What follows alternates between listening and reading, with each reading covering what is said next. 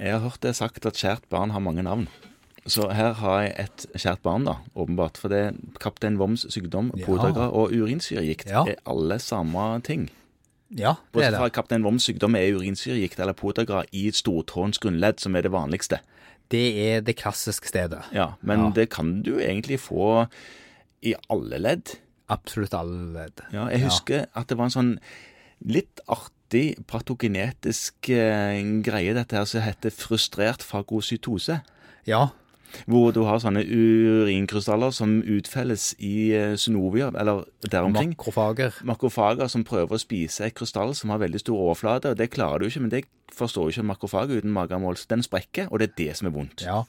Det bidrar til å eskalere inflammasjonen noe helt voldsomt. Ja, og så da det er egentlig din egen feil. blir, Ja, men det, hjelp, det blir jo ikke mindre vondt av den grunn. Nei. Og det, det er jo litt sånt eh, morsomt fordi at de av oss som har en høy nerdefaktor, kjenner jo igjen dette fra kjemi på videregående. Ja, For dette handler om krystallisering i væske. ja det gjør det. Når- Utfelling, rett og slett. Ja, når, når, det blir, når konsentrasjonen av et stoff blir for høy, så når man et eller annet sånn utfellingsgrad, Ja. og så plutselig får du en akselerert effekt.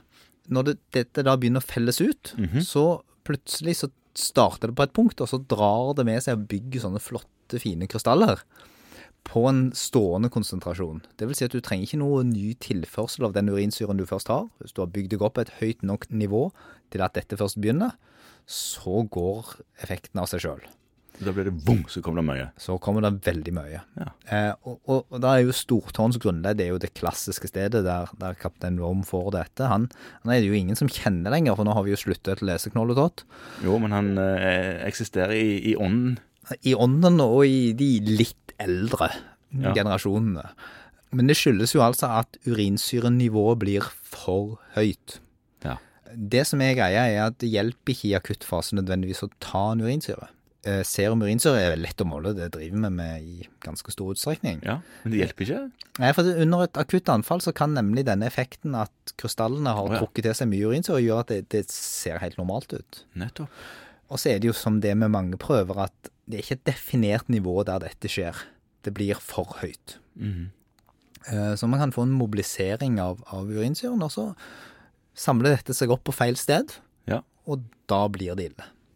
Eh, For å stille en helt sikker diagnose, så bør man nok kanskje egentlig, og det det gjøres nok på sykehus i stor grad, så bør man ta en leddpunksjon, og så kan man se noen nydelig flotte krystaller i mikroskop.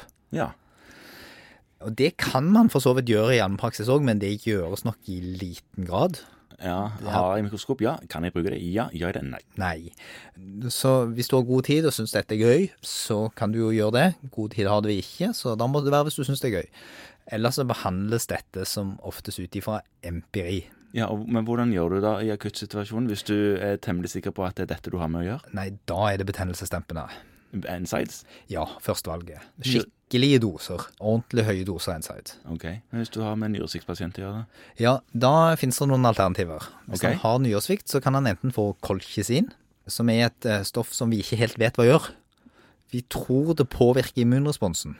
Ja, men så fint. Ja. Ja. Eh, Men det virker. Ok. Det var før på registreringsfritak, nå er det godkjent. Så nå kan du skrive det ut helt uten, Uten så mye styr. uten så mye styr. Mm. Ja. Men er det andre ting? Ja, eller så kan du gi dem prednisolon. Steroider, ja. Ja, fordi at det du egentlig ønsker med alle disse behandlingene, er å dempe immunresponsen Ja. på disse krystallene.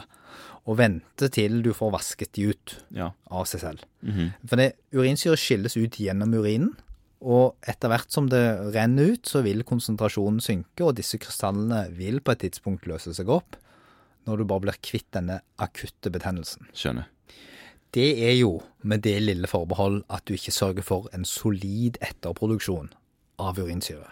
Ja, for det, det, hvis du har en som kommer med urinsyregikt gang etter gang, så kan du kanskje begynne å tenke på at han har litt mye av dette her. Ja, da vil han jo si at dette er arv. Å ja. Ja, ja, så al- det, du har en arvelig komponent i det? Alle i min familie har det sånn. Ok. Eh, og, og til en viss grad har han rett i det. Altså, Fedrene syndere er jo, på en måte, går jo igjen her også.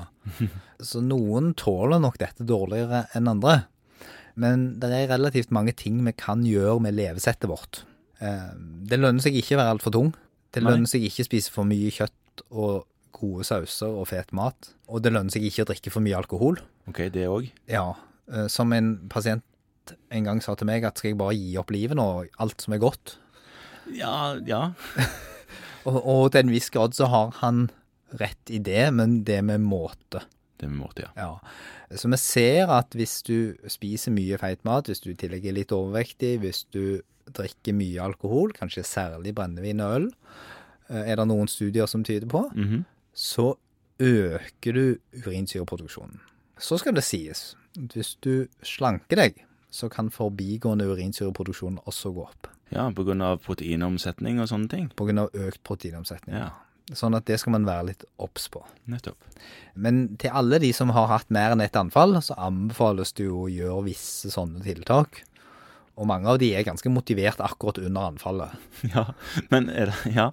Så du motiverer deg til disse tingene, men gir, du- kan du gi dem noe sånn profylaktisk medisin òg? Ja, øh, så, så hvis de har mer enn ett anfall i året, så bør du vurdere profylaktisk medisin. Mm. Og da Hva har fin- du å gå på da? Ja, du har, I utgangspunktet så har du to ting. Det ene er allopurinol, som er førstevalget. Hva er det det gjør igjen? Det ned, eh, reduserer produksjonen av urinsyre. Så Ok. okay. den hemmer syntesen av urinsyre og lager mindre. Ja. Og det andre er probenesid. Ja, så Det må ha noe med utskilling å gjøre, det. da. Ja, det skiller, øker utskillelsen i nyrene. Ja. Det er veldig følsomt for nyrefunksjon eh, hvis nyren ikke virker ordentlig. Ja. Og så skal du ha et lite sånn der øye til de som allerede har nyrestein. Eh, For det, at det du gjør her, er at du aktivt sørger for å flytte massevis av noe som krystalliserer over i urinen. Og er det sånn at hvis du har et nyresteinsproblem i utgangspunktet, og sørger for å tilføre store mengder urinsyre der dette kan felles ut, ja. så, så kan du få en uvenn. Ikke sant. Ja. Men så er det òg noe som jeg husker, at eh, når disse som har fått profylaktisk medisin, kommer med et nytt anfall, så skal de stoppe med den profylaktiske medisinen sin. Ja, og det er fordi at disse medisinene kan forbigående, og det gjelder òg når du starter opp med dem, så kan de forbigående øke serumkonsentrasjonen. Fordi det mobiliseres, det skaper en slags kaskade som da mobiliserer urinsyre fra forskjellige steder i systemet. Ok, Som en slags sånn kjemisk likevektsgreie? Ja, Ja. Og som da trekkes ut i blodbanen, og som da plutselig kan komme over den her kritiske terskelen Nettopp. i et eller annet ledd Ja. for krystallutfellelse. Ja. Og sånn at hvis du får et akutt anfall, så bør du stoppe disse medisinene mens du behandler det akutte anfallet. ja. hvis de allerede går på de. Så finnes det noen flere ting, men jeg tenker at hvis du har residiverende anfall, til tross for at du har satt dem på denne behandlingen, så er det lov å snakke med en revmatolog. Ja. For det er i grunnen de som skal ha disse sakene. ja hvis det blir for eh, store problemer med Med å få kontroll på behandling. Så er det noen som mener at hvis du måler et tilfeldig høyt nivå, så bør du starte behandling. Ja, Hvis du har vært så dum at du har krysta for eh, urinsyre på en eller annen eh, rutinekontroll. Ja. ja. Eh, Det finnes det egentlig ganske dårlig dokumentasjon for.